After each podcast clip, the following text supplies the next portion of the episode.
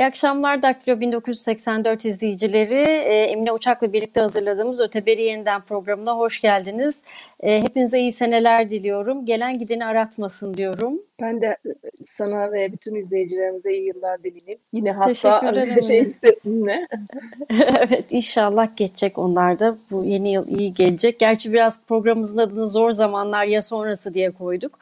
Ee, çünkü biliyoruz ki hepimiz aslında hani zor, zor zamanlardan geçiyoruz ve bunu bir dönemdir yaşıyoruz. Programa e, başlamadan önce bizi e, gülümseten bir e, caps'le, bir görselle başlamak istedik. Onu gösterebilir miyiz? Bu arada e, teknik e, destek arkadaşımız Ayüce Dalkılıca da teşekkür ediyorum onun yeni yılını da kutlarken. Ee, evet Caps'e ne diyor? Çok şükür kötü günleri geride bıraktık. Şimdi sıra daha kötü gün sırada daha kötü günler var diyor. evet e, bunda hani bir e, başlayalım dedik ama e, aslında bunun böyle olmasını ummak istemiyoruz. E, programa hazırlanırken e, Hannah Arendt'in Men in the Dark Times, bu karanlık zamanlarda insanlar kitabına şöyle bir baktım ve ön sözüne e, yani yeniden böyle bir elime geçti. Baktım ve ön sözünde o Bertolt Brecht'in e, e, to Posterity yani gelecek kuşaklara şiirine referansla e, bir ön söz yazmış ve orada o gelecek kuşaklar şiirinde e, Brecht diyor ki karanlık zamanlarda e, hani çok e, gün, günah var, katliam var, e, kötülük var ve buna rağmen yeterli öfke yok diyor, yeterli tepki çıkmıyor diyor. E, ve Arendt de bunu hatırlatıyor yani. Diyor ki bu ne yeni bir zaman ne bizim coğrafyalarımızda olmamış olabilir ama bunun olması e, ne yeni bir şey ne de istisna bir şey. Yani seyrek bir şey. Aslında insanın çeşitli dönemlerinde çeşitli coğrafyalarında olan bir şey. Ama bütün bunlara rağmen e, diyor ki e, ışık var yine de e, ve bu ışık e, niye var, neye e, referansla var? E, o da aslında teori ve kavramlar değil diyor Arendt ki kendisi iyi bir teorisyen olmasına rağmen tam da e, belli kadın ve erkeklerin yaptığı bazı e, çalışmalar e, bir ışık çıkarıyor ortaya. Işık derken de titrek olabilir, bu ışık zayıf olabilir ama yine de bir ışık var e, diyor ki burada işte Lux, e, Rosa Luxemburg'dan hani Brecht'te e, Karl Jaspers'e kadar birçok insanın hayatına değinen bir kitap. Şimdi bunu söylerken de biz de zor zamanlardan geçiyoruz. Nasıl bir program yapalım dediğimizde Emine ile kişisel olandan başlayalım demiştik. Kişisel yıllarımız, zamanlarımız nasıl geçti? ben kişisel olarak şöyle bir zor yıl geçirdim. Çok yakın bir dostumuzu kaybettik. çok yakın sevdiğim bir dostumu, aile dostumuzu. Çiğdem Aydın ama Çiğdem Aydın sadece Türkiye'ye yani benim dostum olarak değil aslında Türkiye Kadın Hareketi'nde de hepimizin dostuydu. Emine'nin de arkadaşımızdı. E, ve kendisini maalesef 6 Kasım günü e, kaybettik. E, 42 gün sonra da e, eşi Sezai Aydın'ı kaybettik. Bu kayıplar aslında şöyle bir şeyi de hissettiriyor insana. Daha kırılgan ve belirsizliği yani hem bir yandan hayatın belirsizliğini sor, sorguluyorsunuz ve bunu sorguladığınız dönem aslında öyle bir dönem ki şu anda. Hmm, hepimiz çünkü bu gibi kayıplar yaşayabiliriz. Ee, ama öyle bir zaman ki e, zaten belirsizliğin olduğu ve önümüzü çok göremediğimiz, plan yapamadığımız, buna rağmen ışık saçan insanlarla ki Çiğdem Aydın da Sezai Aydın da böyle insanlardı. Çiğdem hem feminist harekette e, hem tiyatroda engelli çocuklarla e, çok çeşitli alanlarda çalışmıştı. Çok kıymetli çevirileri vardı. Sezai Aydın hepimizin çocukluğuna, jenerasyonların çocukluğuna e, dokunmuş bir e, tiyatrocu. E, ve onun gibi birçok insan var. E, onların ışığıyla yol alarak devam ediyoruz. Galiba benim için hani birçok şey söyleyebilirim kişisel olarak neler yaşandı, akademi vesaire ama e, hani bu kayıp e, ve bununla beraber hani hep içimize çığlık gibi oturan işte mesela Aysel Tuğlu'nun durumu bir türlü hala hapiste.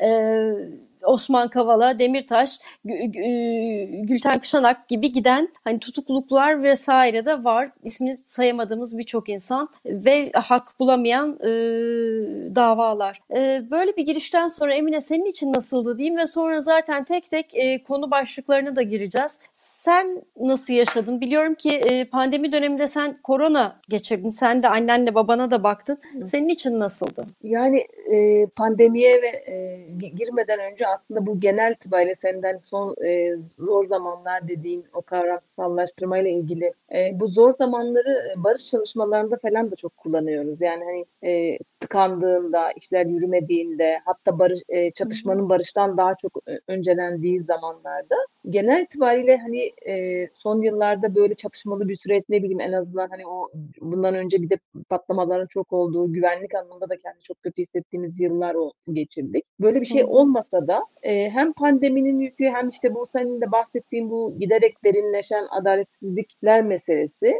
e, hep böyle bir sıkıştırılmışlık hissi veriyor aslında. Yani e, uzun bir süredir bu böyle. Sadece geçtiğimiz yılla ilgili değil e, bir böyle korkunç bir dejavu hissi var üstünde. Yani şey gibi hem bir yandan aslında her şeyi çok hatırlamayacak yaşlara geldik. Bazı şeyleri unutuyoruz. iyi ki unutuyoruz. Ama bir yandan da sosyal medya hatırlatıyor e, ondan sonra ve e, onlara bakarken de aslında yeni ne söyleyebiliriz diye de düşündüğüm oluyor bazen. Çünkü o kadar çok söylendi ki yani hani bunların hepsini söyledik. Hatta mesela ben sözün çok tükendiğini hissettiğim çok zaman oldu. E, mesela geçen gün Facebook e, 10 yıl önce yazdıklarımı e, hatırlattı bana. 10 yıl önce de aslında tam da bu duygular varmış. Yani bu çok uzun süren bir e, duygu hali ve o yüzden de çok yılgın ve yorgun da hissediyor insan kendisini. Pandemiyle ilgili de e, ben zaten daha ilk başlarken bir e, karantina süreci geçirmiştim ve sonrasında da işte bu e, ilk yılla ikinci yılı karşılaştırdığımda ikinci yıl biraz daha aslında pandemiye alıştık. Yani korona ile ilgili o korkularımız ilk yıldaki o belirsizlik duygusu geçti. Ama burada e, bir yandan da aslında bu bütün alınan önlemlerin veya alınamayan önlemlerin gündelik hayatımızla ilgili kıtların ne kadar da anlamsız olduğunu gördüğümüz için daha zor e, hissettik. Yani geçen seneki karantinalar mesela geçen yılda yaşadığımız karantinalar o yüzden daha zor e, geçti ilk yıla göre öyle düşünüyorum. Okulların e, kapalı olduğunu düşünürsek o çok ağırdı. O yüzden de Eylül'den bu yana okulların düzenli e, açık olması çok önemli buluyorum ve şimdi bugünlerde yine sayılar artarken ilk başta yine hemen okulların kapatılması e, gündeme geliyor. O yüzden çığlık çığlığa bütün anneler gibi daha doğrusu sadece annelik değil, değil bu aslında. Çocukların iyi hal olma hali yani sadece eğitimle ilgili bir kayıp e, duygusuyla harekete geçme değil bu. Çocukların iyi olma hali açısından da o yılların nasıl hani ağır geçirdiklerini şimdi şimdi daha yeni gördüğüm için de o yüzden de böyle hani aman e, en son okullar kapatılsın hatta hiçbir yer kapatılmasın ve biz bununla hani yaşamayı öğrenelim bir şekilde e, diye düşünüyorum. E, yani bir yandan işte böyle bir kısıtlar pandemi ama bir yandan da çok benim için sahada geçen de bir e, yıldı. Yani çok böyle farklı farklı sahalara e, gittim. E, birbirleriyle bağlantılı olmayan sahalar ama konular birbirini kesiyor. Yani işte e, öbür programlarda da konuştuk. E, adaletsizlikler, eşitsizlikler, yoksulluk, kadınların durumu, eğitimdeki mesele yani hep böyle birbirlerini kesen e, konulara dönüyor. E, sahada olmanın insanı çok besleyen bir tarafı var ama bir yandan da çok travmatik de bir tarafı var. İster istemez e, o, o yükle dönüyorsunuz. Tabii bir yandan da sizin hani bir şekilde e, hayatına girdiğiniz insanların hayatındaki o yük zaten ağır bir şekilde devam ediyor. Yani bunu orada bırakıp gelmek de e, bir ağır bir şey. Yani bir şey, hiçbir şey yapamıyor olmak da ayrı bir şey. E, ama hani her şeye rağmen hani bütün bu olumsuzlukların yanı sıra e, yeni bir yıla da hani girerken de biraz daha böyle olumlu tarafından baktığımızda evet yani hani yaşama sevincimiz çok hırpalanıyor, çok zorlanıyoruz. Hatta sürekli hmm. nefes alamadığımızı hissettiğimiz zamanlar oluyor. Ama yine yine de hem bu son yıl hem de son yıllarda hissettiğim bir şey var. Yani hani kıymetli bir dayanışma haline sahip olduğumuzu, etrafımızda halen çok iyi insanlar olduğunu düşünüyorum. Ee, yani hani belki de devam edebilme e, duygusu da oradan geliyor. Yani işte bu hasta halimizle halen konuşma, anlatma çabası da belki yani buradan gelen bir şey. E, böyle yani hani o yüzden bir yandan işte e, yılgınlık, e, belki gelecekle ilgili bundan daha ağır şeyler yaşar mıyız korkusu. Ama bir yandan da işte e, yapacak bir şey yok ve hani buradayız. Çok şükür de yalnız değiliz gibi bir duyguyla devam ediyorum. Tabii ki dediğim gibi hastalıklar e, ne kadar hani yakamı bırakırsa bir de öyle bir şey. E, yani sen biraz aslında şeye de toplumsal hafıza açısından da neler yaşadığımıza hafif değinmeye başlamıştım. Belki şimdi biraz hani o, e, oradan devam etmek. Yani hangi birini analım bilmiyorum ama sen istersen bir başla bir de o yönüyle bakalım. Evet aslında dediğin doğru. Hangi birini alalım bilmiyorum. Çok benim de hissettiğim bir şey. Yani neye değinirsek değinelim hep eksik kalacak. O yüzden değindiklerimizin sembolik olduğunu söyleyelim. Bunu söylemek de çok üzücü geliyor. Çünkü bahsettiğimiz şeyler hakikaten travmatik yani. Emine biraz önce sen de söyledin. 10 yıldır aynı şeyleri kaç 10 yıl gibi bir durum var. Ben de e, sen bu yıl çok saha yapabildin ben daha Almanya'da sahamı bitirmiştim hani e, Türkiye ile uzantılı bir alana bakıyordum. E, daha önceden yaptığım çok sahalar var ve orada da hep hissettiğim bu aslında bu da yeni bir duygu değil. Dönüyoruz evimize ve e, bir yandan da o araştırmacının verdiği o bir suçluluk hissiyle hiçbir şey yapamamaya devam ediyoruz. Yani mümkün olduğunca tabii ki e, araştırdığımız konulardaki insanların sözünü ortaya çıkartıyoruz ama hep eksik kalıyor. O yüzden de e, bu da yeni bir hal değil. Bu da ayrıca insana e, başka bir yılgınlık veriyor ama diğer yandan da biz şöyle fonksiyon etmeye alıştık zaten. Yani geç yaşımız şimdi ortaya çıkıyor ama 90'larda 20'lerinde olan daha genç olan insanlar olarak e, o, o zaman galiba biraz umut hissediyorduk. Yani şöyle bir idealimiz vardı. Bir demokrasi projesi olacak ve biz bunun içinde olacağız. E, ama bu e, projede yani bir şeyler değişecek. Bir, bir onu bir gördük. Yani evet neoliberal sistemin, küresel sistemin bunda etkisi vardı. Türkiye'de bundan etkilendi. Böyle bir, bir, bir dönemdi. E, ama şimdi gittikçe daha karanlık bir zamana, zor zamanlara geldik.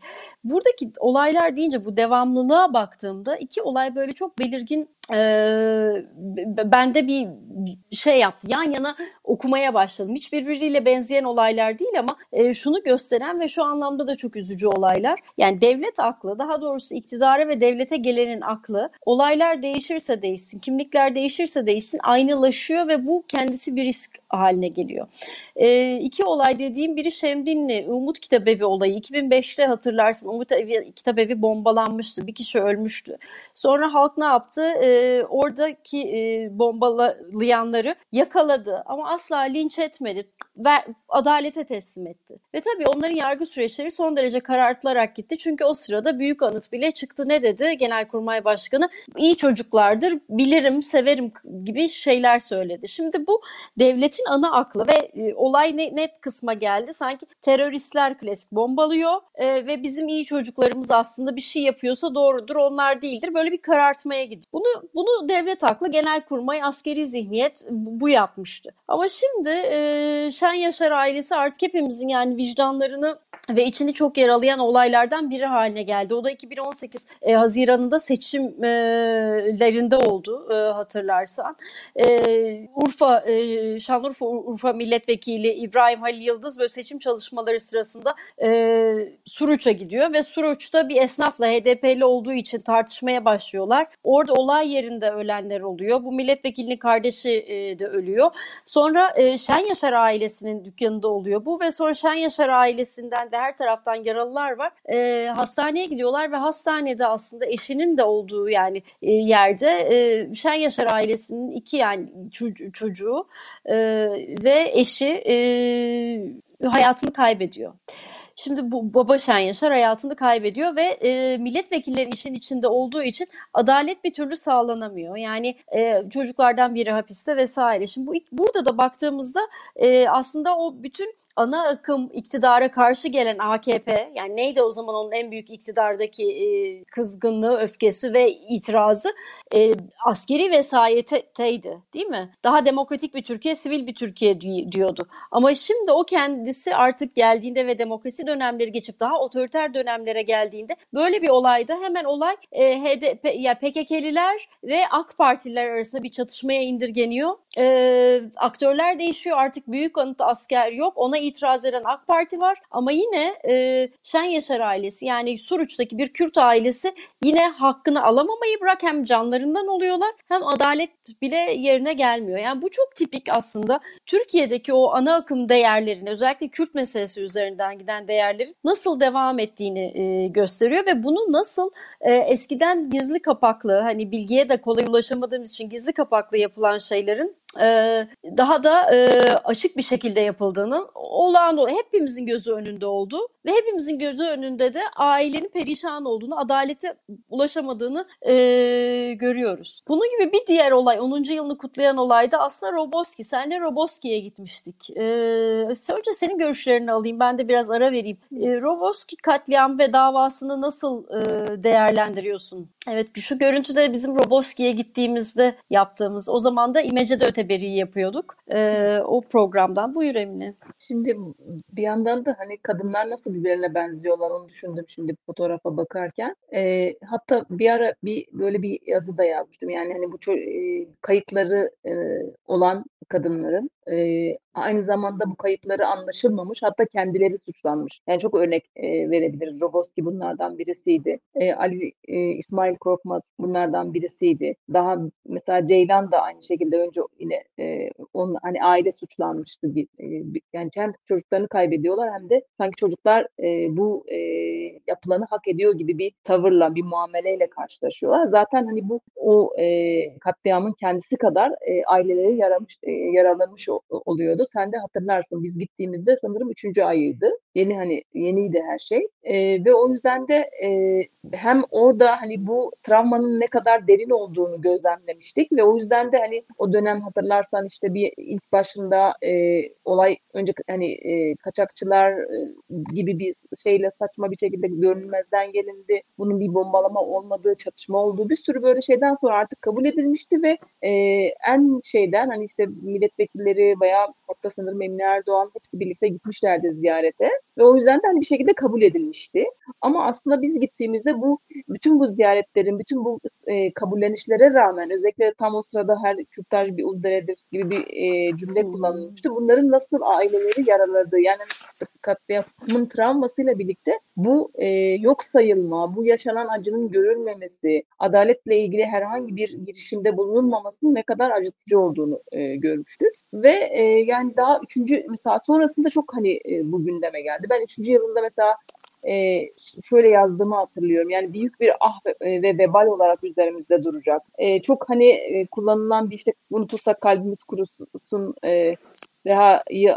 Reha Ruhabioğlu'nu da almak lazım. O e, gerçekten o dönem çok e, uğraşan birisi olarak. Yani hani unutulmadı ama aslında bir yandan da o e, yüksek sesle işte Ankara'nın dehlizlerinde kaybolmayacak denilmişti. Kayboldu. Sadece Türkiye'deki adet arayışı değil aslında Avrupa İnsan Hakları Mahkemesi'ndeki dava da bu arada hem avukatların hem de aslında siyasi e, kanadın üstünde belki durmamasıyla çünkü ailelerin bu konuda da çok büyük bir e, yarası var. Yani bunu da görmezden gelemeyiz. Bir şekilde hiçbir failin ortaya çıkmadığı e, ondan sonra e, ve aslında belki de yani ben mesela ilk başından itibaren bu olayda bir tuzak olduğunu, bunun bizzat Erdoğan'ın kendisine kurulan bir tuzak olduğunu düşünmüştüm oraya gittiğimde. Çünkü nihayetinde e, o çocukların oraya gittiğini biliyorlardı ve buna rağmen hani bütün ailelerin çabalarına rağmen e, görmezden gelindi. Ama bir şekilde hani böyle sanki aydınlanacağını hissettiğimiz zamanlar oldu. Hani böyle bir süreç içinde ama bu, bugün geldiğimiz noktada artık bunu zaten konuşuyor olmak bile bir suç haline getirildi. Böyle bir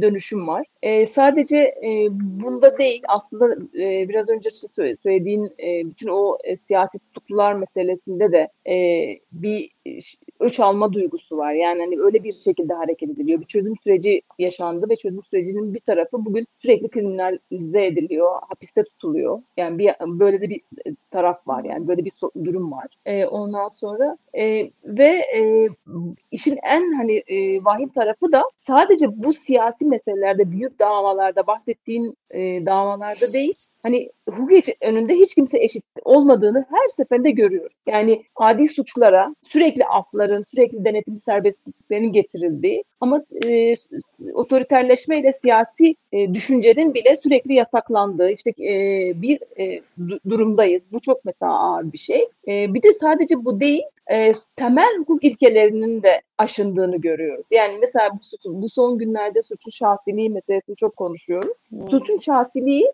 siyaset yani AK Partililer olunca e, e, uygulanıyor ve tabii ki uygulanması gereken bir şey. Yani herkes kendi suçu yani suçu yapan kişiyle ilgili bir şey yani hani Tabii, onun ailesinin tabii. veya yakınlarının cezalandırılması tabii ki kabul edilemez. Ama ne yazık ki bu suçun şahsiliği meselesi sadece iktidar tarafındakiler için geçerli. Muhalefetteyseniz e, sizin hani geçmişiniz de sizin önünüze suç olarak getirilebiliyor. Aynı e, e, tweet'i attıysanız bile bu suç olabiliyor. Ya da e, ailenizdeki herhangi birinin suçu sizin de suçunuz gibi gösterilebiliyor. İşte bu e, İBB'deki e, en son olay artık böyle hani trajik bir e, caps olarak dolaşıyor e, e, şeyde. O yüzden hani bu kadar e, en temel şeylerin değiştiği, masumiyet karinesinin hiç hatırlanmadığı bir e, durumda e, hukuk önünde de hiç kimse eşit olmuyor. Yani işte bir bakıyorsun e, trafikte bile kimin gücü varsa onun sözü geçiyor. Yani böyle bir e, sıkıntı. E, son bir, bir e, Aysel Tuğluk'tan bahsettim. Garibe Gezer'in son e, mesela bu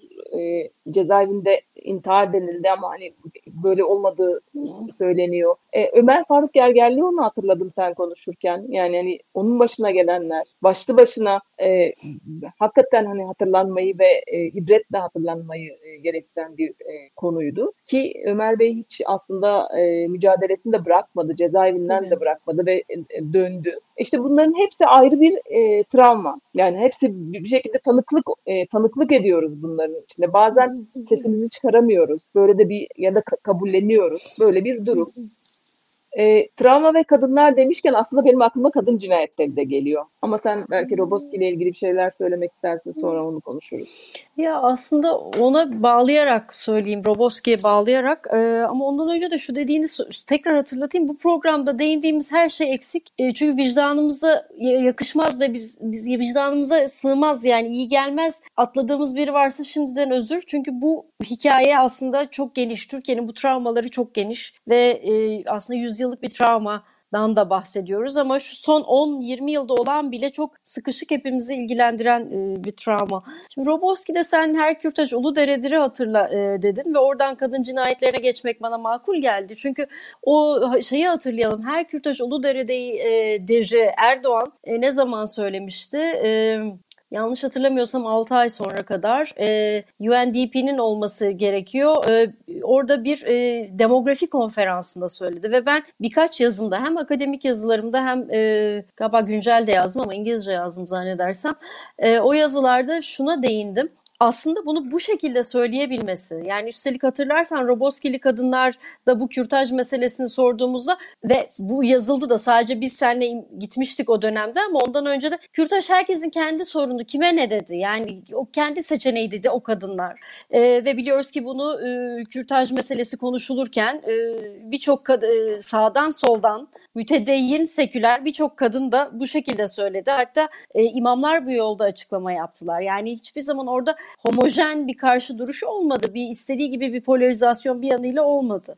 Ama e, bunu demografi konferansında söylemesinin anlamı bence tam da milliyetçi anlamda şu referansı vermekti. Yani e, Kürtlerin öldürülmesi ve bunun karşısında adalet almamaları, almamaları çok da önemli ve kıymetli değil. Niye? Çünkü önemli olan yani bu, bu katliamla insanların kişisel verebileceği bir kararı ve farklı koşullarda verecekleri bir kararı bir araya sıkıştırmanın kendisi de aslında bütün bu politikaların son gel son dönemde geldiğini milliyetçi sıkışıklığı da önümüze gösteriyor ve bir demografik kaygısını yani kendisi gibi seçmen, milliyetçi bir şey yaratma ki gittikçe bunun farklı örneklerini de e, gördük. Oradan kadın cinayetlerine gelince tabii bu sene en hepimizi derinden yaralayan e, bir konuda e, İstanbul Sözleşmesi'nden bir gecede e, bir gecede Erdoğan e, aniden çıkardığı e, ya, değiştirdiği yasalarla kararnameyle böyle bir yasayı uluslararası bir sözleşmeden çıkma hakkını kendine verdiği için o kararnameyle bir gecede çıkma kararı alıyor. Ve e, biliyoruz ki şu anda çok ciddi e, sayılardan bahsediyoruz. E, günde her neyse her yani günde her hemen hemen bir kadın öldürülüyor. Bu sadece istatistiklere geçen rakam istatistiklere geçmeyen çok var ee, ve biz konuşurken de şu anda bir kadın ciddi veya çocuk şiddete uğruyor. İstanbul Sözleşmesi niye önemli ve kıymetli bir sözleşme? E, bu sadece Türkiye'yi bağlayan da bir sözleşme değil. Aslında belli değerleri temsil ediyor. Çünkü sadece kadını e, ve çocuğu değil, aile içindeki şiddette erkeği de koruyor. Yani aile içi şiddeti, e, o şi- politik olanın özelliğini, o içerideki şiddetin aslında nasıl toplumsal bir yanı olduğunu e, söylüyor ve o yüzden de şiddete uğrayanları koruma altına alıyor. Ee, kadın e, hareketi bununla ilgili çok mücadele etti. Biliyorsun bu, bunu hissettiği için eşik platformu kuruldu. Bütün e, kadınlar e, bir arada bunun içindeler. E, çok özür dilerim. İnternet ha, şeyim bitecekti şarjım.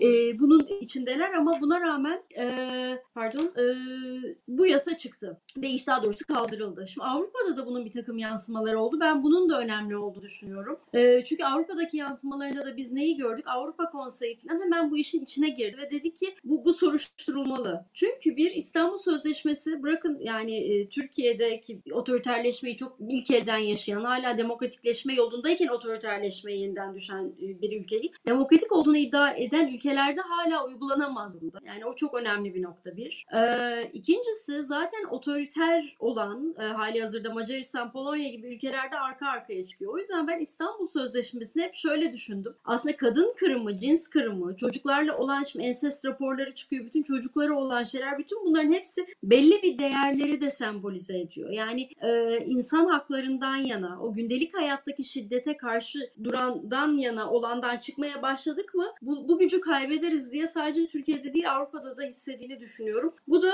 zaten o değişen değerlerin e, yine yansımalarından biri. Şimdiden bahsetmiş e, çocuklar, kadınlar vesaire diye sen perspektifte çok sağlam bir yazı yazdın. E, geçtiğimiz günlerde 6. yasa paketiyle ilgili. Sen neler düşünüyorsun bu konuda? Ne gibi tepkiler aldın? Neydi? Biraz anlatsana. Çok sağlam linç yedim. Önce onu söyleyeyim. Yani Hoş e, geldin. Ben de arıyorum ama bu tahmin ediyorum. Merak ettim. Şimdi şöyle zaten aslında İstanbul Sözleşmesi e, bir motivasyon oldu e, bu geçirdiğimiz programda da konuşmuştuk bu gruplar için. Bunların hedefinde 6284 var. 6284 de tam da İstanbul Sözleşmesi gibi aile içini de e, referans, aile içindeki yaşananları da referans kabul ettiği ve bu konuda bu konuda da koruma e, önlemi getirdiği için karşılar. E, aslında kendileri motivasyonlarını söylüyorlar. Medeni kanunun da kaldırılmasını istiyorlar. Çünkü medeni kanunla birlikte biliyorsun işte ailenin reis, reisi erkektir meselesi geç e,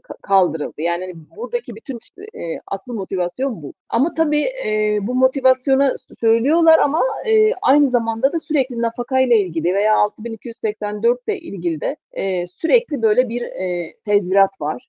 İşte e, nafaka e, işte kadınlar bir günlük evli kalıyorlar, yıllarca nafaka alıyorlar vesaire vesaire. Zaten hani herkes biliyor bu e, şeyin nasıl başladığını ve nasıl dönüştüğünü ve iktidarın da bir şekilde bunlara teslim olarak İstanbul Sözleşmesi'nden çekildiğini biliyoruz. Ay, sonra oradan aile elden gidiyor, işte eşcinsellik meselesi falan filan buradan bir e, e, damar yakalanmıştı. Şimdi işte geçtiğimiz haftalarda 6. yargı paketinin e, meclise geleceği söylendi ve bu da e, boşanmaların kolaylaştırılacağı gibi böyle herkesin kulağına hoş gelebilecek bir şey. Çünkü gerçekten de hani bu alanda bir sorun var. Yani boşanmalar çok uzuyor ve bu bir sürü başka sorunlara sebep oluyor ama e, bu boşanmaların uzamasının sebebi kadınların nafaka meselesi değil tabii. Şimdi e, yoksulluk nafakası denilen bir şey var, tedbir nafakası denilen bir şey var. Eğer kadın ekonomik olarak ki çoğu kadın zaten ekonomik olarak özgürlüğe sahip değiller. O yüzden de bu hem boşanma davası veya sonrasında korunmaları için bir nafaka e, hakları var. E, bunun kaldırılacağını e, süreli nafakalarda da işte belki sonrasında devletin ödeyebileceği bir formül üzerinde düşünülüyor. Şimdi burada mesela ben yazıda aslında bu motivasyonun arkasında kadının karşıtı bir e, lobi olduğunu söyledim ve nafaka örneğini de Kadın Dayanışma Vakfı'nın e, raporundan bazı örneklerle. Tabii e, bu zaten yani lobi gibi çalışıyorlar. Yani aslında ben hani sosyal medyadaki güçlerini ve linç e, kabiliyetlerini çok da e, önemsemiyorum yani. Hani onu yazıp çizsinler o hakaretler, küfürler gidip geliyor. Sessize alıyorsun bir şekilde görmez görüyorsun. Bir yandan da sürekli hani zaten e, diğer siyasi konularda gibi sürekli hani bu son yıllarda polisin savcının arkasında saklanarak aslında e, muhalifleri e, şey yapmak istemek ha- hali var yani muhalifleri hizaya getirme. Hani bir yandan mesela devletten işte hukuktan hak, haktan hukuktan bahsediliyor ama bir yandan da aslında örgüt gibi davranılıyor. Hani Burada da böyle bir şey var. Sürekli işte bir yandan emniyete mentionladılar, bir yandan işte Süleyman Soylu'ya mentionladılar, işte feminist dernekler,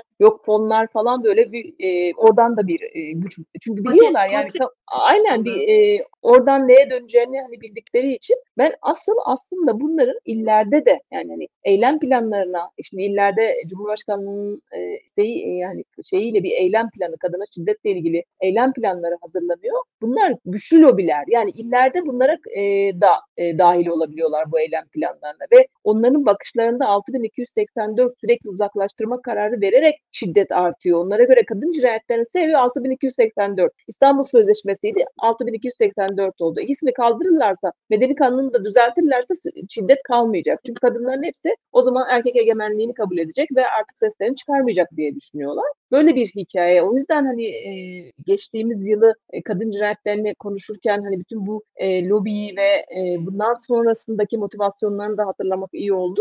Bir de bu cinayetlerin e, şöyle bir tarafı var. Yani biz hepimizi çok etkiliyor kadınlar olarak. Bir de şiddet, hali hazırda halen şiddete maruz kalan kadınlar var. Onlar için çok ayrı bir travma e, sebebi bu kadın cinayetlerinin yani hem şekilleri hem yöntemleri hem giderek bu kadar artması e, bu da ayrı bir konu. Yani hani bu bu kadar vahim bir durum varken sürekli o işte e, timeline'ı veya işte gündemi nafaka işte e, bir de hani söyledikleri örnekler de gerçekten hani çok da kabul edilir örnekler değil. Böyle büyük örnekler yok yani ortada. Tabii ki mutlaka dur olanlar vardır ama bunların bahs büyüttüğü kadar değil değil yani. Böyle bir e, lobiye e, karşı işte bir şekilde hani bir yazı yazınca onların e, ağına düşmüş oluyorsun. Yazıp duruyorlar hala. Yani devam ediyor. E, öyle söyleyeyim. E, bir yandan da ha, teşekkürler. Bir yandan da geçtiğimiz yılla ilgili aslında e, belki son hani denilecek konu da iklim krizi, afetler. O, o da ayrı pandemiyle birlikte ayrı bir e, ağır yük bıraktı. Seller, orman yangınları. E, bir yandan da işte e, kadınlar başta olmak üzere herkesin böyle kendi yaşam alanını korumak için direniş e, gösterdiği bir yıl oldu. Çünkü bir yandan da yani bütün bu e, iklim krizinin etkileri göründüğü halde sürekli kalkınma e, politikaları devam ediyor ve madenler işte ne bileyim ondan sonra başka yerler başka yerler hepsi devam ediyor ve o yüzden de bu, bu tarafı var. İklim krizi bütün dünyanın meselesi bir yandan. Yani sen bu hem bu ekoloji meselesiyle ilgili hem de iklim kriziyle ilgili ne söylersin? Ya aslında iklim kriziyle beraber e, yani çok şey söylenebilir. Şu anda da e, İkizdere'deki fotoğrafı e, açtı e, Saustay Yüce ve o aslında kadın meselesiyle çok bağlantılı bir şeyi de görüyoruz biz e, iklim krizinde. Yani direnişlerde özellikle. Özellikle kadınlar canla başla yaşam alanlarını savunuyorlar. Çünkü gündelik hayatı yaşam alanlarından kurabiliyorlar kadınlar. Ve sadece kadınlar değil son dönemde bütün bu tarım politikalarına baktığında bu alanların ne kadar önemli olduğunu yani artık kendine tarım olarak yetemeyen bir ülke olduğumuzu e, bunun hem ekonomik krizle de ilgili açıklaması son dönemde geldi ama e, ekonomik krizden çok önce hem bu tarım arazileriyle ilgili politikalar, tohumlarla ilgili politikalar bunu e, belirlemişti. Diğer yandan bu madencilik e, ve madencilikle beraber gelen doğa katliamları, işte bunların yarattığı sel felaketleri, krizler, bütün bunların hepsinin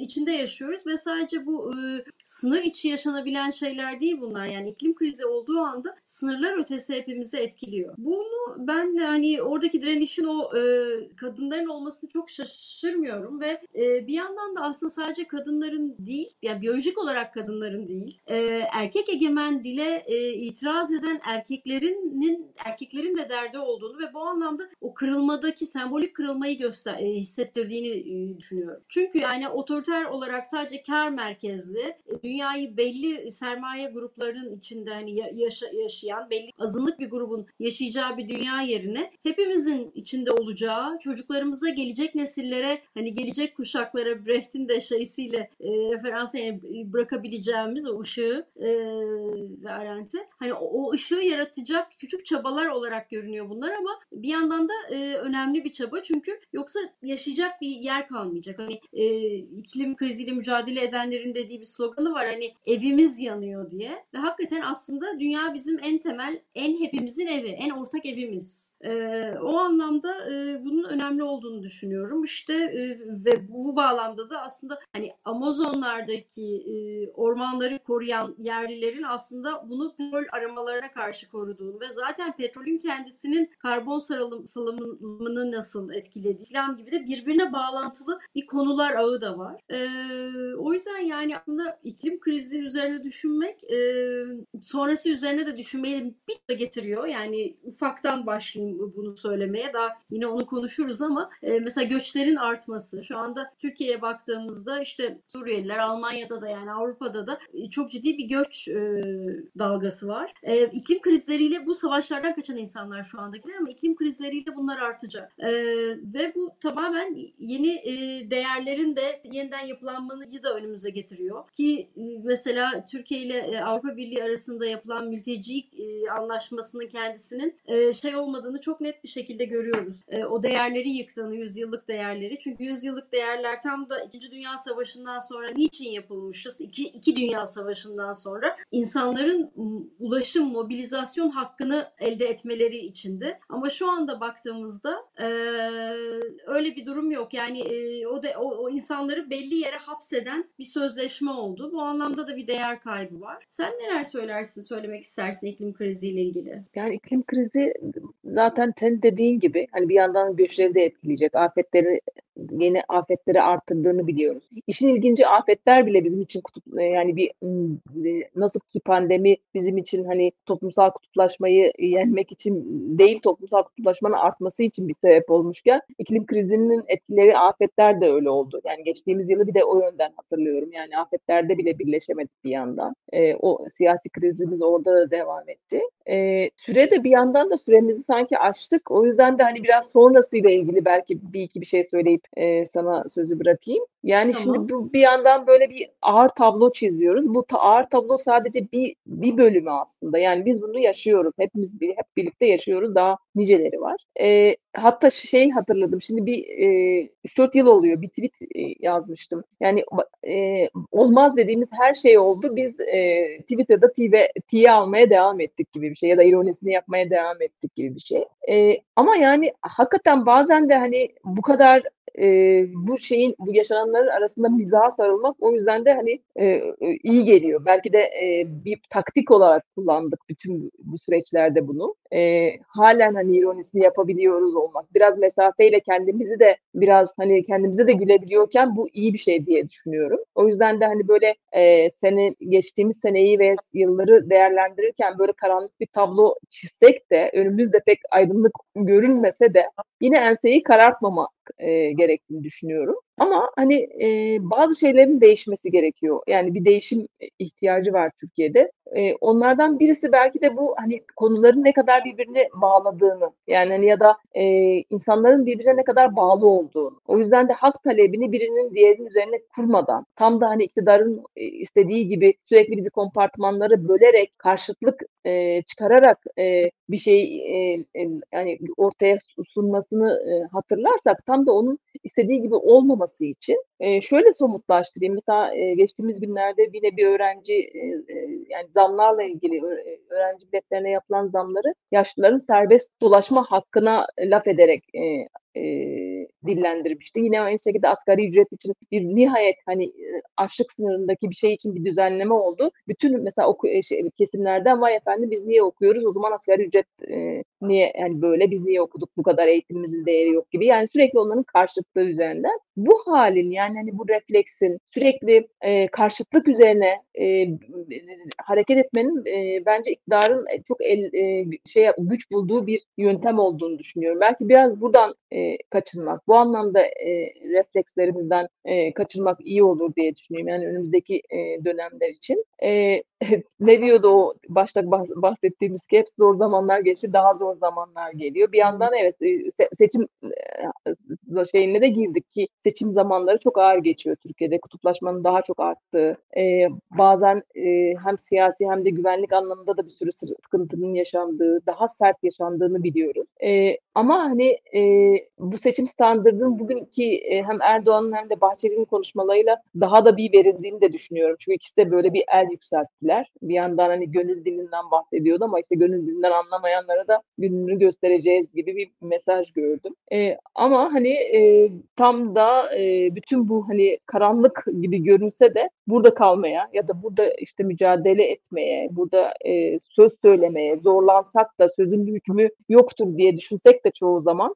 e, devam etmekten başka da bir e, çare görmüyorum açıkçası. O yüzden de hani bu yeni bir yıla belki bu motivasyonla e, yani o yılgınlığın üstüne yine de bir umudu taşıyarak e, girdiğimi düşünüyorum. İnşallah herkes için e, böyledir ama tabii bir yandan da aslında belki onu unuttuk. Ekonomik e, yükün iyice bizi ezdiği bir sürecin e, değil mi? Ekonomik olarak da sıkıntıların çok ağırlaştı ve halen ağırlaşacağını da gördüğümüz bu bu da yani iyice bir e, yordu herkesi. Bir de böyle bir tarafı var. Ama e, yani e, herkes için umarım hani e, gerçekten başa çıkılabilecek her şeye rağmen belki mizah duygumuzu, duygumuzu kaybetmeden devam edebileceğimiz bir yıl olur diye e, umayım.